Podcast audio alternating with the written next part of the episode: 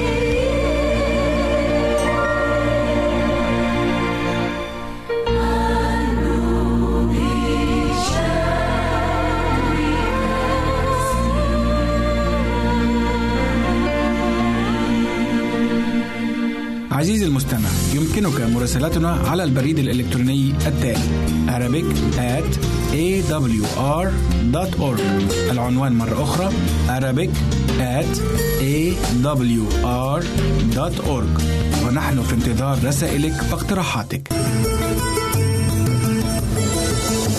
هنا إذاعة صوت الوعد.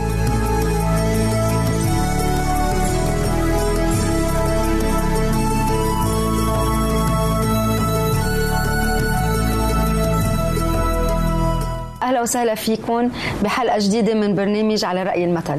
مثلنا لليوم هو الأعمى أعمى القلب.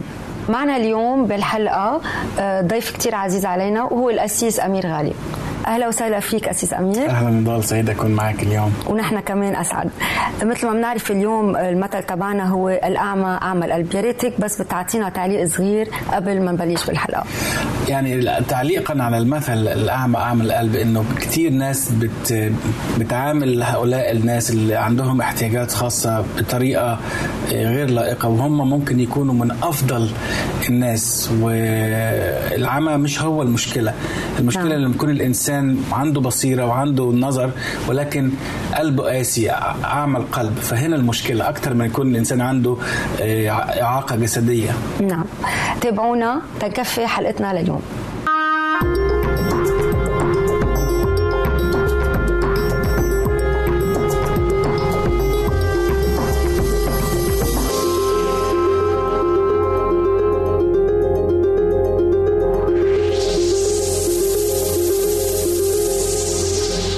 أمير نرجع.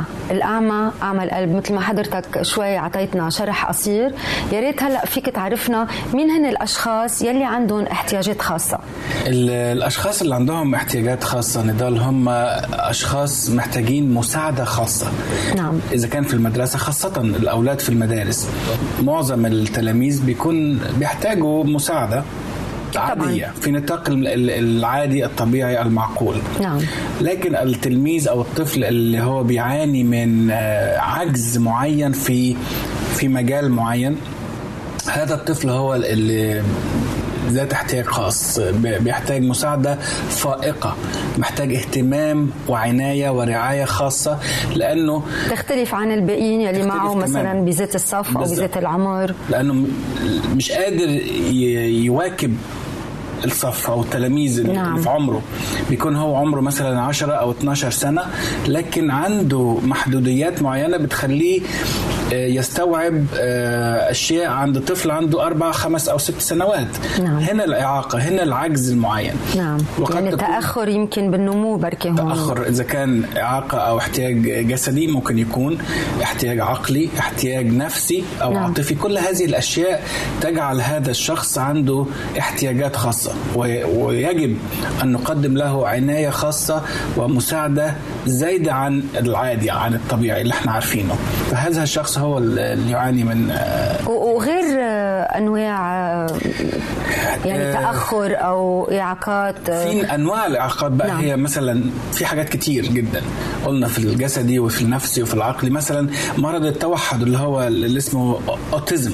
نعم. هذا الشخص بيكون يعني منعزل تماما عنده طباع مختلفة عن الآخرين مش بيحب يشارك ما بيحبش ينخرط في نشاطات الصف والمدرسة. uh, وبيكون طباعه صعبة شوية. هذا يعني هيدا الأوتيزم يلي حضرتك عم تحكي عنه توحد هلأ عم نسمع عنه أكثر وأكثر يعني يمكن كان في حدنا أولاد ربيوا معنا مم. كان عندهم هالنوع من التوحد يمكن ما كان عندنا هالوعي الكافي تنعرف خاصة في مجتمعاتنا الشرقية ما مش بنعرف نميز بنقول ده طفل كسلان وخلاص بن بن بنحط عليه الليبل أو نعم. العلامة دي إنه كطفل كسلان ما نعرفش السبب من وراء ما بنفتش على الحالة يلي هو مرق فيها. يعني مزبوط شو هي. فهنا لازم يكون في المدرسة يكون فيها طبيب خاص أو مختص يقدر يميز لو في لأن في علامات كتير هنناقشها بعدين. نعم. آه الواحد لازم يلاحظ هو الأشياء ابتداء من وقت ما يفوت الولد على المدرسة. لأن قبل المدرسة مش مش بنقدر نميز لأن إمتى بنعرف الطفل عنده احتياجات خاصة؟ لما بيقدرش يقرأ كويس ما بيقدرش يسمع التعليمات كويس. أو ينطق يمكن أو كويس. يتكلم يتأخر نعم. كتير في الكلام. أو عنده تصرفات آه، عنيفة جدا وعنده ثوران وهياج شديد. كل هذه الأشياء بنكتشفها وقت دخول المدرسة أكثر من غيرها. نعم. ف... آه بس يا ريت كمان فينا نلقي ضوء على الاعاقات الجسدية كمان. لأنه مثل ما بنعرف إنه هول الأشخاص كمان بحاجة طبعا. لعنايه ولرعايه من قبل الدولة من قبل الافراد لأنه بيكون هيدا كمان شيء خارج عن نطاقهم. شيء من الأشياء الإعاقات الإعاقة الجسدية مثلا العجز في السمع. نعم. آه هنا الطفل يكون قاعد مش سامع أي شيء فطبعا مش بيقدر يفهم أو مش بيقدر يستوعب أو حتى مش بيقدر يطيع التعليمات اللي بتوصل له. يعني على الأم يمكن هون بالمرحلة اللي كتير صغيرة من حياة الطفل حتى يكون معها بالبيت فيها تلاحظ عليه قصة السمع و... السمع مهم جدا. نعم. في كتير أطفال عندهم مشكلة في السمع. ما بيقدروش نعم. يتماشوا معاه آه خلونا نشوف سوا. آراء بعض الناس بهالمقابلات اللي عملها الفريق. بينظرون على إنه الناس غير غير كاملين عندهم نقص وما بينظروا لهم نقص جسدي يمكن نقص كإنسان بشكل عام. عندنا هون بالمجتمع بينظروا لهم نظره سخرية. آه، بصيروا يقولوا يلك هيدا كيف اجره يلك هيدا راسه كيف يلك هيدا مثلا ما عنده ايد هيدا بنص عقل. وهذا شيء المزعج جدا لأنه عنا بالمستوى يعني ما بقدروا نعمة الله اللي أعطينا إياها انه إنه ما بيشكروا ربهم على صحتهم. بعتقد إنه هن يمكن أكثر عالم يمكن بحاجة لحنان وحدا حدهم بس بنفس الوقت بحاجة إنه نحسسهم إنه هن مثلهم مثل غيرهم يعني مثلهم مثل غير عالم مش إنه هن ناقصهم شيء أو هن كذا عرفت؟ بس بنفس الوقت هن يمكن بحاجة لمعاملة خاصة يعني معاملة بعد إنه أكثر اهتمام وأكثر حنان وهيك. خاصة هون بلبنان مثلا شفت إنه بيتعاملوا مع المعوقين آه، كانوا عادي يعني ما في شيء. عرفت شلون؟ بيحسسوهم إنه هن أفراد عاديين بالمجتمع بيلعبوا basketball بيلعبوا sports وهلأ عم بيشغلوهم عم بيعملوا لهم training مشان يبلشوا يشتغلوا. يعني شغلات صغيرة بس يحسسهم إنه هن فرد بالمجتمع يعني. ما يحس حاله إنه هو عاقة أو عاهة على المجتمع. آه عم بتحاول الدولة تأمن تسهيلات بس للأسف للأسف كمان بعدها كتير قليلة وكتير نادرة. مثلا إذا عملوا مواقف لسياراتهم ما بي ما بيلاحقوا اللي بيخلوا بهال يعني بيوقفوا محلهم بالأحرى بيوقفوا محلهم الدولة ما عم بتراقب. الصراحة لا ما بعرف مثلا إنه الدولة عم بتامن لهيك قصص آه، لذوي الاحتياجات الخاصة. هلأ كدولة مش كتير بس مؤسسات الخاصة إيه عم بيعطي أهمية شوي بس دولة لا بعد. عم بيجربوا بس بعد في نقص كتير تجاه تجاههم يعني.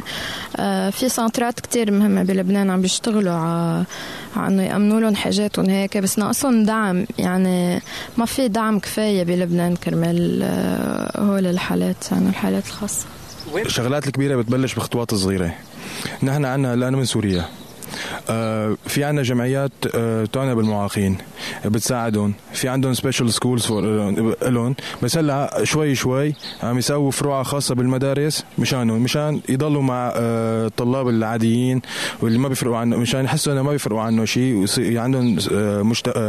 حياة اجتماعية عادية مثل كل الطلاب. شوي شوي. ما في احترام كافي لهم يعني ياما واحد بيجي بيصف ما في مطرح بيصف محل parking المعوقين بس لأنه مستعجل.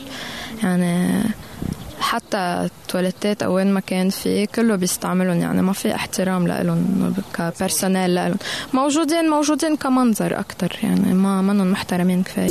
أسيس أمير قبل من بعد ما سمعنا كل هالمقابلات وآراء الناس رح نعلق عليهم.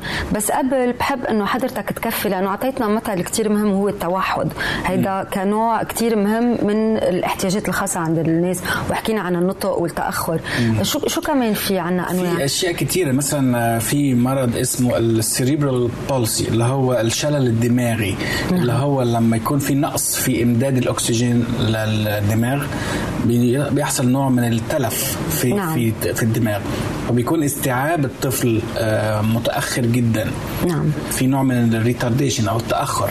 هيدا يعني كمان يعني ما بنعرفه إلا ليفوت الولد كمان على المدرسة أو ممكن لا هيكون أكيد هنلاحظ بعض العلامات بس بتتأكد هذه الأشياء طبعا عند الدخول المدرسة. لما يكون بقى في الانتظام في القراءة وتعليم الحروف وال... نعم. كل هذه الأشياء طبعا بيكون فيها تأخر كتير نعم. في حاجة اسمها dyslexia ال dyslexia اللي هو العجز في القراءة يعني نعم. الطفل بيشوف الحروف آه، ملخبطة نعم. ويكتب بطريقة مخربطة فهنا بيكون كمان في طبعا آه، صعوبة في القراءة وفي الكتابة في نعم. نفس الوقت آه، في حاجة اسمها ال Down syndrome اللي هو المتلازمة داون اللي بيكون كمان في نوع من ال retardation أو التخلف العقلي بسيط أو محدود.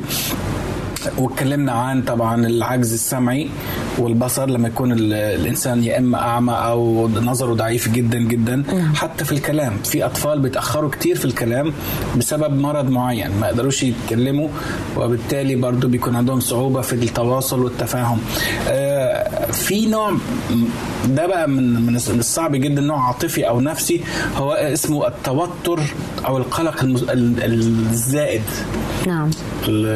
يعني في تطرف في القلق. يكون الولد قاعد لوحده خايف من كل شيء متوتر من كل شيء وده بيعمل له نوع من العصبية الشديدة جدا والهياج النفسي آه هذا كمان موضوع يعني هيدا غير اللي بنعرفه hyperactive يعني مش اللي بيقوم hyperactive نعم. hyperactive اللي هو الولد اللي عنده نشاط زائد عن اللزوم مش قادر يقعد مش قادر يركز ما عندوش قدرة على التركيز ولو نعم. لثلاث أربع دقائق لازم يكون بيتحرك ويتنطط طول النهار وهذا بيتعب الأهل وبيتعب المعلمين والتلاميذ اللي حواليه طبعا تمام. طب يعني هول الحالات اللي حضرتك ذكرتهم بيقدروا يندمجوا مع الأولاد التانيين أو لازم ينحطوا بمؤسسات خاصة لهم مش دا مش ضروري دايما نفصلهم عن الصف ولكن لازم لهم اهتمام خاص واهتمام نعم. زائد عن الآخرين اللي هم بيمشوا بدون أي مشاكل نعم دول محتاجين عناية خاصة ولازم ليهم كمان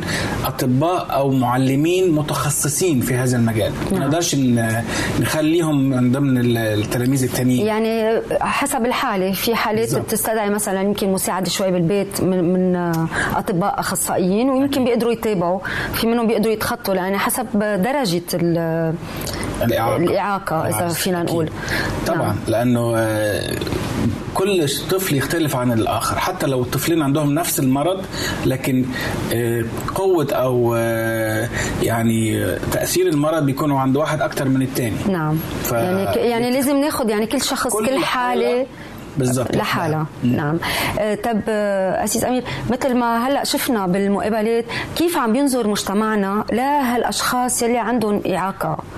آه إعاقة يعني ما يعني إذا كانت جسدية أو مثل ما حضرتك ذكرت. للأسف يعني زي ما سمعنا في المقابلات اللي شفناها دلوقتي مجتمعاتنا خاصة هنا تنقصها التثقيف والوعي نعم. في معاملة هؤلاء نعم. إحنا عندنا لما نشوف أي واحد يختلف عننا أو عنده نقص أو عجز معين زي ما واحد شاب قال هنا يمكن بنسخر منه أو ننظر إليه نظرة يعني مش حلوة. مش حلوة ابدا على التانيين وهنا بقى دور التوعية والتثقيف. إذا كان في البيت من الأول الأهل إذا كان في في دور العبادة في الكنائس والمساجد إذا كان في المدارس لازم الشعب يتقبل هؤلاء حتى ينخرطوا في المجتمع طبعا. نعملهم بطريقة كويسة مسيحية جميلة يعني. نعم.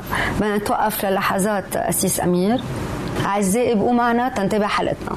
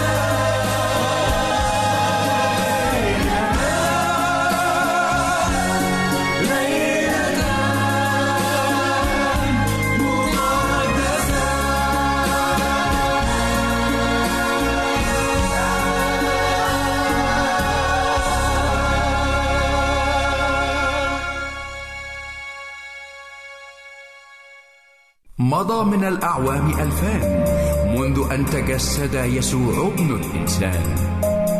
فماذا كان الزمان؟ وكيف أصبح الآن؟ تكلم الله قديما إلى الآباء. شجعهم وجههم ووبخهم بواسطة الأنبياء. لكنهم حولوا وجوههم وصموا آذانهم وأغلقوا قلوبهم. ولكن لما جاء ملء الزمان أرسل الله ابنه مولودا مولودا من امرأة. كلمهم قديما بكلمة الأنبياء لكنه الآن يكلمهم في شخص الكلمة. والكلمة صار جسدا وحل بيننا ورأينا مجده. مجدا كما لوحيد من الآب مملوءا نعمة وحقا. جاء المسيح في عصر نحرت فيه الفضيلة على مذبح الهوى والرذيلة. فصار إنسانا لكي تكون لنا طبيعته الإلهية. ولد المسيح في زمن رفرف فوقه السلام لكنه سلام الحديد والنار لا سلام الضمير والقلب والأفكار. لم يرفع المسيح سيفا لكنه غزا القلوب. فجلس على عروشها بالحب ملكا وبالصليب ربا وبالسلام سيدا. هذا هو الميلاد والزمان فهل بعد أن دار الزمن دورته لا يزال الإنسان هو الإنسان بعيدا عنيدا يبحث عن السلام فكرة يغني أغنية أو أمنية وردية أو ينشئ له قوة. قال المسيح سلاما أترك لكم سلامي أعطيكم. لقد جاء المسيح لكي يصنع سلاما إنه واهبه وصانعه إنه ضامنه ورئيسه وربه. نعم المجد لله في الأعالي وعلى الأرض السلام وبالناس المسره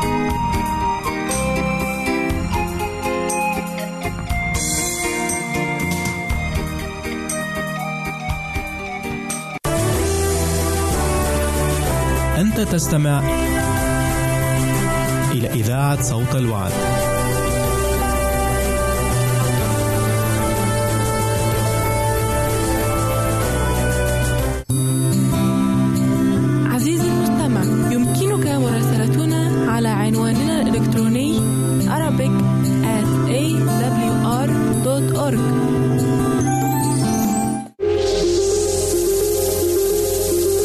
تنتابع حلقتنا لليوم. عم نحكي عن الاحتياجات الخاصة وبحب ذكر بالمثل لليوم الأعمى الأعمى القلب. أسيس أمير بنرجع بنتابع حديثنا. كنا عرفنا مين هن تقريبا الأشخاص اللي عندهم احتياجات خاصة وسمعنا مقابلات. يا ريت هلأ بنقدر نشوف حضرتك ذكرت كيف هالمجتمع عنا بعد ما عنده هالثقافة فعلا وهالوعي إنه يتقبل الآخر كفرد ومساواة. يا ريت بنحب شوي نعلق على هالآراء يلي شفناها من الأشخاص اللي حكوا بالمقابلات. كيف مثلا حكوا عن الموقف السيارة. إنه بعدنا لهلا بنوقف مطرح. وده يعني بيدل على إن إحنا بعدنا لسه ما عندناش هالثقافة والوعي إن إحنا نحترم احتياجات الناس اللي عندهم احتياجات خاصة. نعم. ولما يكون في مساحة للموقف للسيارة نترك هذا الموقف. إحنا عندنا دايما نشوف مكان فاضي يلا مش مشكلة مكتوب عليه للمعوقين أو ما ما بيهمناش. وهنا نعم. نوع من ال ال يمكن الكبرياء أو نوع من الإهمال لهؤلاء. لأن دول بحاجة لهذا المكان أكتر مننا. إحنا ممكن نلاقي أي مكان تاني. فهنا بينقصنا هذا الوعي وهذا التثقيف إن إحنا نجعل هؤلاء يشعروا إن هم جزء من المجتمع لا ينقصهم شيء ونحاول نقدم لهم كل مساعدة وعناية ورعاية مطلوبة يعني. نعم. شو هي التحديات اللي عم بيواجهها هالشخص اللي عنده احتياجات خاصة؟ يعني يمكن على الصعيد اليومي غير بالمدرسة. يعني في تحديات كتير نضال بالنسبة لهؤلاء. أول حاجة التحصيل العلمي يعني مجرد إن هو يقدر ياخد شهادة. نعم. دي في غاية الصعوبة. في ناس بتقدر عندها العزيمة والإصرار إنها تستمر إلى أن تحصل شهادة. في ناس طبعا بيكون يا إما المرض قوي جدا عندهم أو هم ما عندهمش هذا ال- هذه العزيمة. ف ما بيقدروا ما بيقدروش يتابعوا. يحصلوا شهادة. وبالتالي التحدي الثاني برضه هو تحصيل من هذا أو نتيجة هذا إنه ما بيقدروش يلاقوا عمل أو مهنة أو وظيفة آه، يقدروا يساعدوا نفسهم نعم. أو ويساعدوا المجتمع يعني. لأنه هن فرد شخص عادي. مستقلين بذاتهم ما يكونوش نعم. عالة على الآخرين. فالشخص اللي عنده هذا الاحتياج أو هذا العجز بيلاقي صعوبة كبيرة جدا إن هو يجد مهنة أو وظيفة يأكل منها عيش زي ما بنقول في مصر. نعم. آه دي حاجة كمان خطيرة جدا. شعوره بالانخراط في المجتمع إن هو فرد من الأفراد العاديين. ده شعوره بال- بالنقص وال- هذا شعور نفسي كبير جدا. نعم. بيشعر بيشعر بيه. ده تحدي كبير. كمان إنه تكوين الأصدقاء بيكون صعب جدا. قليل. إنه يقدر يلاقي صديق يقدر يشارك معاه ويلعب معاه دي كمان حاجة صعبة. دايما بيكونوا لوحدهم يعني. نعم آه، حاجات كتير. حضرتك كمان ذكرت إنه هيدا الوعي ببلش من عنا من البيت من بالضبط. الأهل وبعدين بالمدرسة. طب صعيد على الصعيد الدولي دولي كدولي قد إيه هي مسؤولة عن هالأشخاص؟ أكثر من الأفراد يعني. طبعاً. وين بيجي دورها هون دولي الدولة للأسف ودولنا العربية أكثر آه، يعني Ismael, não. Ismael. آه، لازم يكون تخصص ميزانية خاصة لهؤلاء ودي طبعا آه، مش بتحصل كتير صعبة شوي لأن عندنا مشاكل آه، تانية. كتير قوي قوي نعم. اقتصادية ومالية وهكذا فبيحطوا معظم الأشياء وبيتجاهلوا آه هذا الشيء نعم. فيجب من البداية تخصيص آه ميزانية لذوي الاحتياجات الخاصة لازم آه إنشاء مؤسسات تأهيل وتدريب ويجب أيضا الاستعانة بأخصائيين لهؤلاء أيضا الدولة عليها دور كبير جدا ولكن نرجع نقول عشان إحنا ما عندناش هذا الوعي لا, نضع لا نعطي هؤلاء الاهتمام الكافي إذا كان على صعيد الدولة أو على صعيد الشخص أو على. صعيد المؤسسات كلها يعني محتاجة إعادة تأهيل أو هيكلة يعني. آه، في صبية ذكرت إنه الدولة ما كتير عم تقدر تساعد اجمالا بالدول. يعني خاصة مثل ما حضرتك ذكرت بالمجتمع العربي لأنه بنلاقي بالغرب يمكن في اهتمامات أكثر أو لأنه يمكن ما تخللهم حروب أو إشياء أخرتهم آه، مثل ما نحن بالدول العربية يعني بالضبط. للأسف عنا غير على طول عنا غير عوامل. مستمرة. نعم. فعم يلتجوا أكثر هون للمؤسسات الخاصة. بالضبط. يعني مثل ما بنعرف كمان مؤسسات خاصة منا كلها مجانية بالظبط ودي مشكلة كبيرة لأن اللي معاه اللي عنده يعني مال كافي يقدر يحصل على الاهتمام نعم. الكافي وطبعا الناس الباقيين شو بدهم يعملوا؟ نعم. دول هم اللي يعني بيكونوا left behind أو يهملوا أو يتركوا بدون أي آه، طب عناية. ك- كيف نحن نقدر نوعي الجيل الجديد هلأ نحن جيلنا خلص هلأ الجيل اللي عم بيطلع لأنه مثل مثل مسألة التوحد الحالة يلي كثير عم نسمع عنها على التلفزيونات عم نقرا عنها على الجرايد على الإنترنت كثير زايدة لأنه قد ما عندها branches فروع. صح. يعني آه، مثل ما حضرتك ذكرت Down syndrome كمان هي نوع من ال autism. يعني آه، شيء كتير واسع وشاسع. يعني الوعي عالميا صار أكبر. حتى عنا بدول آه، مجتمعاتنا العربية أوعى. فكيف هون بنوعي هالجيل إنه يت- يتقبل أخوه بالإنسانية على إنه واحد مثله؟ يعني فينا ندمجهم بمدارسنا مثلا آه، يعملوا نفس الأكتيفيتي أو نفس النشاط آه، مثلا الرياضي. يعني, آه، كيف فينا نعمل؟ المفروض في كل مدرسة زي ما حكينا في الأول نعم. كل مدرسة لازم يكون عندها شخص أو شخصين متخصصين في هذا المجال يهتموا فقط بهؤلاء. لأن هم طبعا قلة نعم. فلازم في كل مدرسة يكون لها متخصصين في نعم. هذا المجال وليهم منهج دراسي مخصوص ليهم. يعني مختلف عن طبعاً العادي. طبعا. لأن اللي عنده ديسلكسيا أو اللي عنده توحد أو اللي عنده هذه الأشياء ما يقدرش يواكب ال- المنهج العادي في في, عمره. نعم. فلازم يكون ليه طريقة معينة مثلا الحروف تكون أكبر بشكل معين أو يتحط مش بنفس الطريقة اللي بيتعلم بيها الطفل العادي الطبيعي. نعم. فالمدارس لازم تخصص أشخاص معينة. نرجع نقول كمان الدولة ليها دور كبير إن ميزانية آه، فيها نعم مهمة قصة جداً. ميزانية كتير. آه، وبعدين طبعا آه، أعتقد إن الجانب الديني والروحي مهم جدا. ان إحنا ننشر محبة الله لهؤلاء. يعني في قصة في الكتاب المقدس جميلة جدا عن آه، الملك داود ملك إسرائيل. قبل ما يصير ملك كان قبليه ملك اسمه شاول. نعم. الملك ده كان مش عارف عندنا وقت كافي لا لا في في. في تفضل الملك شاول ده كان بيكره داوود وكان عايز يقتله كان كان ألد عدو ليه. نعم. لأنه عارف إنه داوود هياخد الملك بعديه فكان عايز يتخلص منه. ابن شاول اسمه يوناثان كان هو و- وداوود يعني أصدقاء آه، أعز الأصدقاء. نعم. بالرغم من أبوه كان عدو لداوود. لكن آه، مات شاول وأخذ آه، داوود الم- الملك فعلا ومات يوناثان. بس من نسل ده شاول هذا جه طفل الممرضة بتاعته وهي بتحمله سقط منها فجاله نوع من الشلل. عشان داود هذا إنسان يحب الله وكان قال عشان يوناثان أعز صديق ليا بالرغم من أن شاول كان عدوي أخذ هذا الطفل وقال ده هيكون زي ابن من أبنائي كان. بيجلس على طاولته طاولة الملك داود كان بيجلس وياكل على طاولة الملك باستمرار حلو. فهنا التقبل الآخر نعم. و... وإن إحنا نعتبره كشخص من أفراد الأسرة وكل هذه الأشياء ضرورية جدا عشان نجعل هؤلاء ينخرطوا في المجتمع بطريقة طبيعية. نعم. فالكتاب المقدس مليان بأشياء جميلة جدا عن معاملة الأشخاص اللي عندهم احتياجات خاصة. يعني هون في بنلاقي غير المحبة في كتير احترام.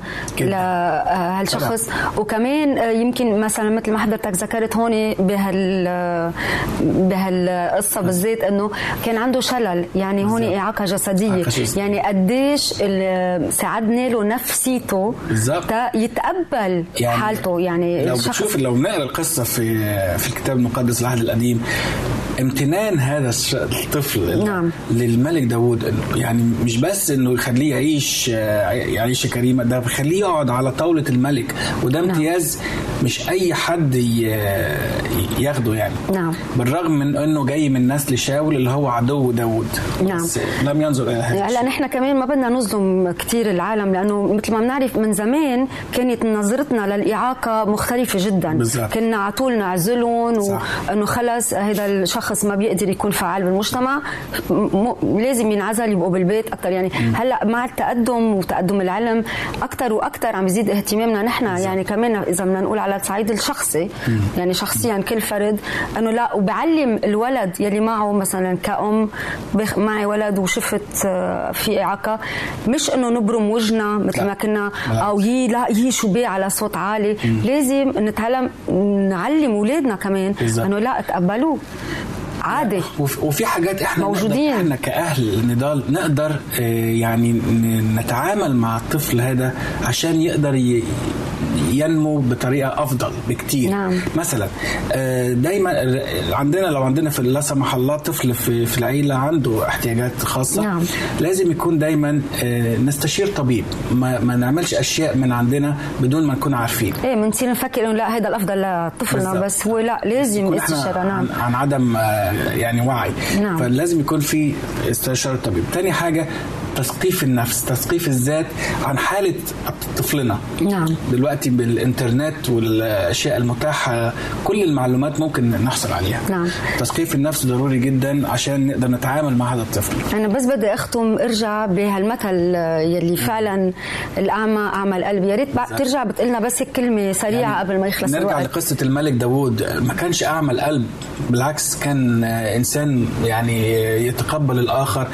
آه، عمى القلب أصعب بكتير من العمى الجسدي نعم. يعني لما سألوا آه، هيلين كيلر قالوا لها كانت هي عاميه قالوا لها إيه أصعب من العمى؟ قالت لهم إن يك- إن يكون إنسان عنده بصيرة ولكن عنده نظر ولكن يفقد البصيرة شكر وجودك معنا أسيس أمير وهون وصل لختام شكرا حلقتنا ليكي بقى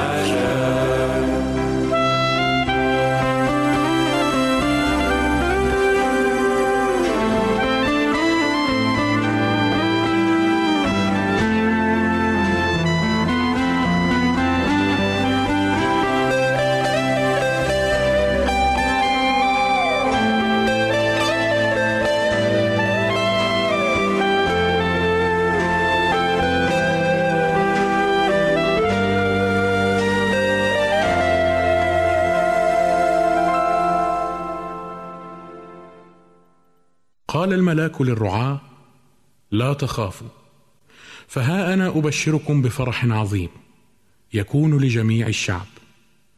أنه ولد لكم اليوم في مدينة داود مخلص هو المسيح الرب.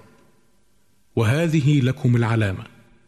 تجدون طفلا مقمطا مضجعا في مذود المستمع. يمكنك مراسلتنا على عنواننا الإلكتروني Arabic at awr.org عزيزي المستمع يمكنك مراسلتنا على البريد الإلكتروني التالي Arabic at awr.org العنوان مرة أخرى Arabic at awr.org ونحن في انتظار رسائلك واقتراحاتك.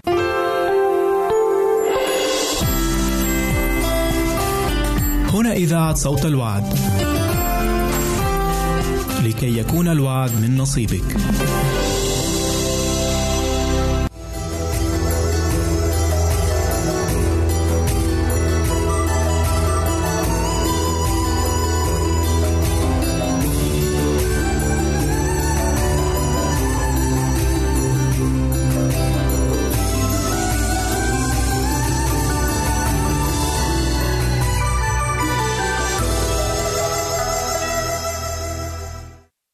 مرحبا بك في حلقة جديدة من مكتب الراعي.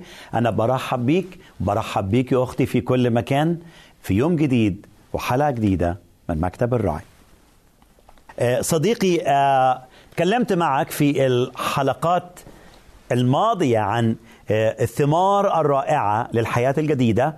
تكلمت عن ثمار حب جارف لكلمة الله ثمار حب جارف لشخص المسيح وهنتكلم مع بعض وبدأنا مع بعض بحب جارف للشركة مع المسيح لعلاقة شخصية مع المسيح. أتكلم معاه أحكي معاه. الرسول بولس حط كمقدمة لهذا الأمر الطلب من المؤمنين قبل ما نقرب من ربنا تعالوا يكون جوانا هذه ال ال ال الأشواق للفرح. ان نكون فرحانين وإحنا بنقرب منه. نكون مليانين بالوداعة والرقة مليانين بالصبر والاحتمال وإحنا بنقرب منه. نكون مليانين بالتوقع والرجاء والانتظار لمجيئه وإحنا بنقرب منه. صديقي آه النهارده أنا هكلمك عن المفهوم الحقيقي للاقتراب. اسمع كلمة الإنجيل نرجع تاني لنفس الشهادة الحلو اللي قريناه مع بعض في رسالة فيليبي اللي آه الرسول بعت آه آه هذه الكلمات لإخواته. في فيليبي وهو كان موجود في الوقت ده جوه السجن في روما. قال لهم افرحوا في الرب كل حين وأقول أيضا افرحوا ليكن حلمكم معروفا عند جميع الناس. الرب قريب. وبعدين قال الكلام اللي إحنا هنتكلم فيه النهارده مع بعض لا تهتموا بشيء بل في كل شيء بالصلاة والدعاء مع الشكر لتعلم طلباتكم لدى الله. وسلام الله الذي يفوق كل عقل يحفظ قلوبكم وأفكاركم في المسيح. صديقي هقف معاك النهارده قدام مشكلة من أكبر المشاكل اللي بتخلي المؤمنين ما بيعرفوش يقربوا من ربنا ودايما مرتبكين دايما منزعجين وإزاي أنا أقدر أقرب من ربنا بطريقة صح؟ الرسول بدأ هذه الصورة الرائعة الجميلة بكلمات رائعة وقال لا تهتموا بشيء. يعني إيه لا تهتموا بشيء؟ خلينا نفكر معاك شوية في هذا المفهوم. كلمة يهتم كلمة جاية من إنسان قلق مشغول. كلمة جاية من إنسان مرتبك الذهن كلمة جاية من إنسان قال عنه الرسول يعقوب رجل ذو رأيين متقلقل في جميع طرقه.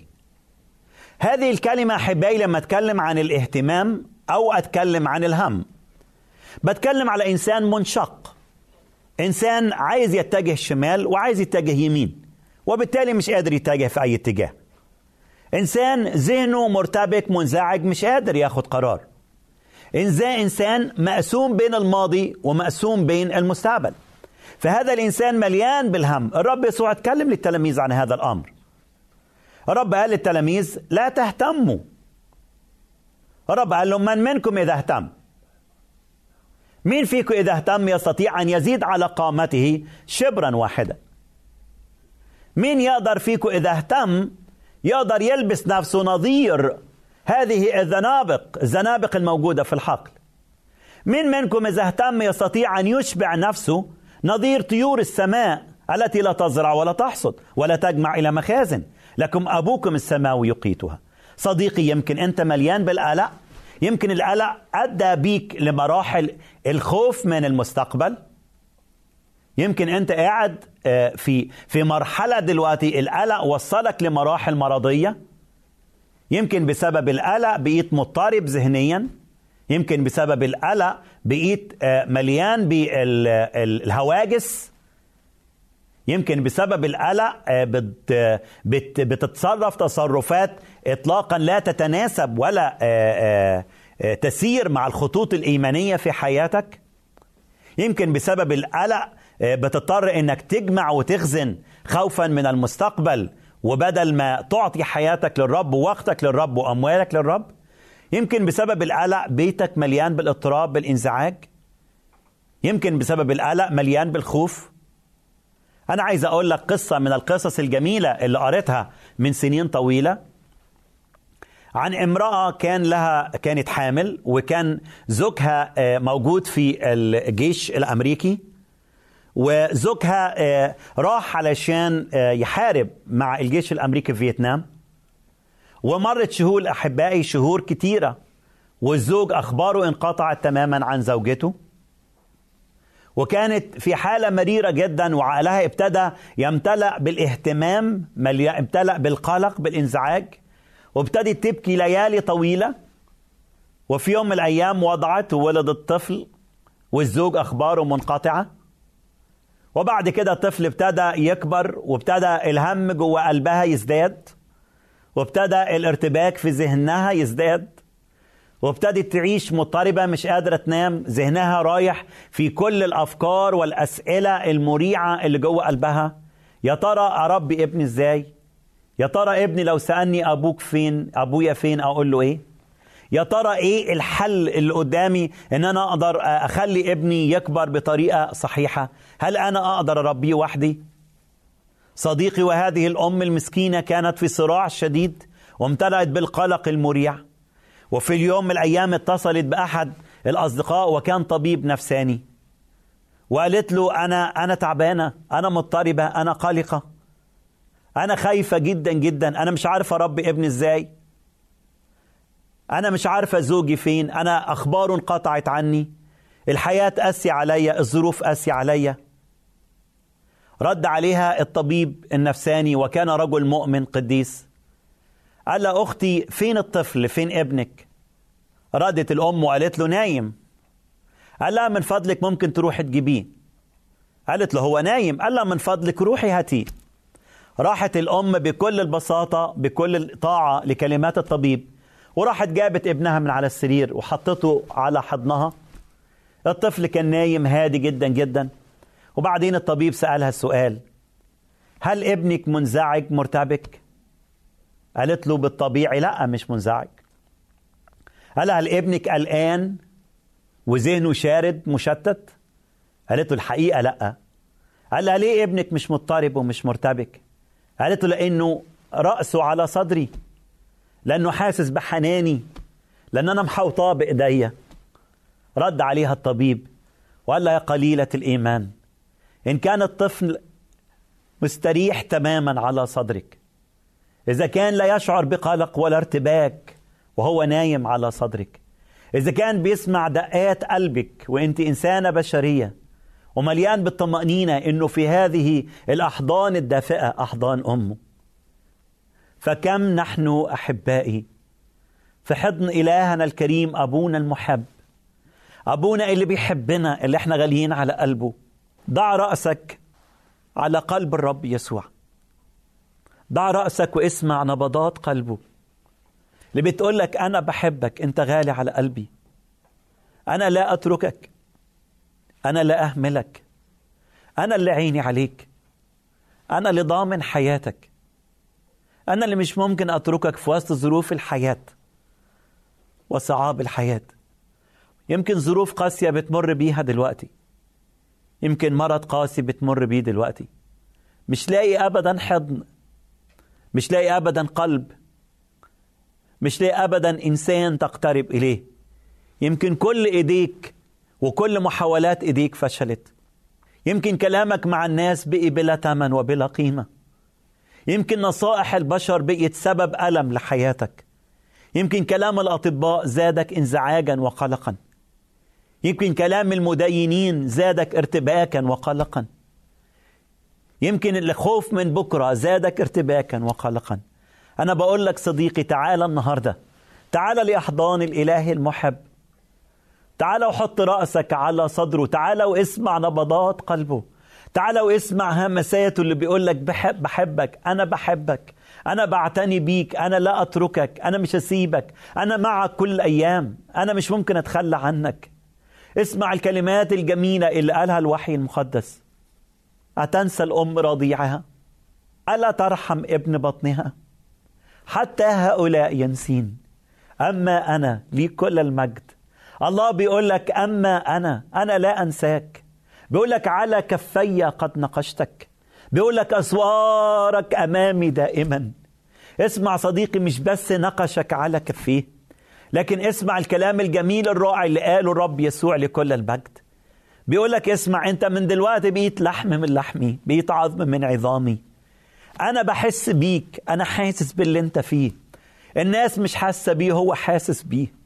بلاش كلمات الشكوى تخرج من فمك. قول له يا رب أنا بمجدك يا رب أنا بعظمك.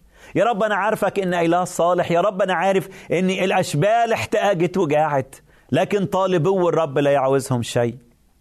قول له يا رب أنا بشكرك لإني كنت فتى وقد شخت. إذا كنت كبير في السن إذا كنت إنسان خايف من بكرة خايف من الموت خايف من من من ظروف الحياة وأسوتها خايف من المرض. قول له يا رب كنت فتى وقد شخت. لم أرى صديقا تخلي عنه. ولا ذرية له تلتمس خبزا. صديقي لا تهتم بشيء. رب النهارده بيقول لك بلاش تهتم بالأشياء. تعرف ليه بيقول لك لا تهتم بالأشياء؟ افتح معايا كلمة الإنجيل. واسمع هذه الكلمات الجميلة اللي قالها الوحي المقدس عن شخص ربنا يسوع المسيح. قال عنه في عبرانيين الأصحاح الأولاني عدد ثلاثة. بيقول عنه بهاء مجد الله. ورسم جوهره وحامل كل الأشياء بكلمة قدرته. الأشياء اللي بتزعجك الأشياء اللي بتألمك الأشياء اللي صعبة على حياتك بيقول لك أنا حملها أنا ضمنها أنا بعتني بيها. لا تهتم بشيء لا تهتم بشيء. خلي لغة القلق اللي مالية كيانك اللي مالية حياتك. قول له يا رب النهاردة أنا مش هنزعج. يا رب أنا مش. مش هرتبك يا رب الطيور فرحانة رغم إن هي مش بتزرع ولا بتحصد. يا رب الزنابق مبتهجة لأن ولا سليمان في كل مجده يلبس كواحدة منها. فأنت إلهي أنت سندي. مفيش عصفور أحبائي. راح لطبيب نفساني وقال له أنا تعبان أنا قلقان. ليه أنت تعبان؟ ليه ليه قلق؟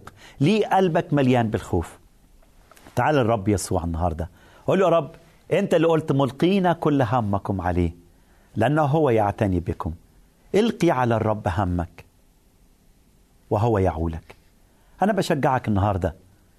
كل ما تحس بالقلق بص على طيور السماء شوف الرب إزاي بيعتني بيها.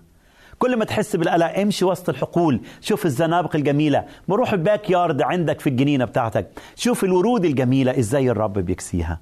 قول له أنا مسنود عليك يا رب. أنا بحتمي فيك يا رب.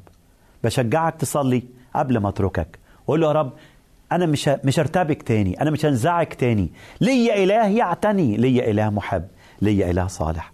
صديقي أراك في ملء بركة الإنجيل.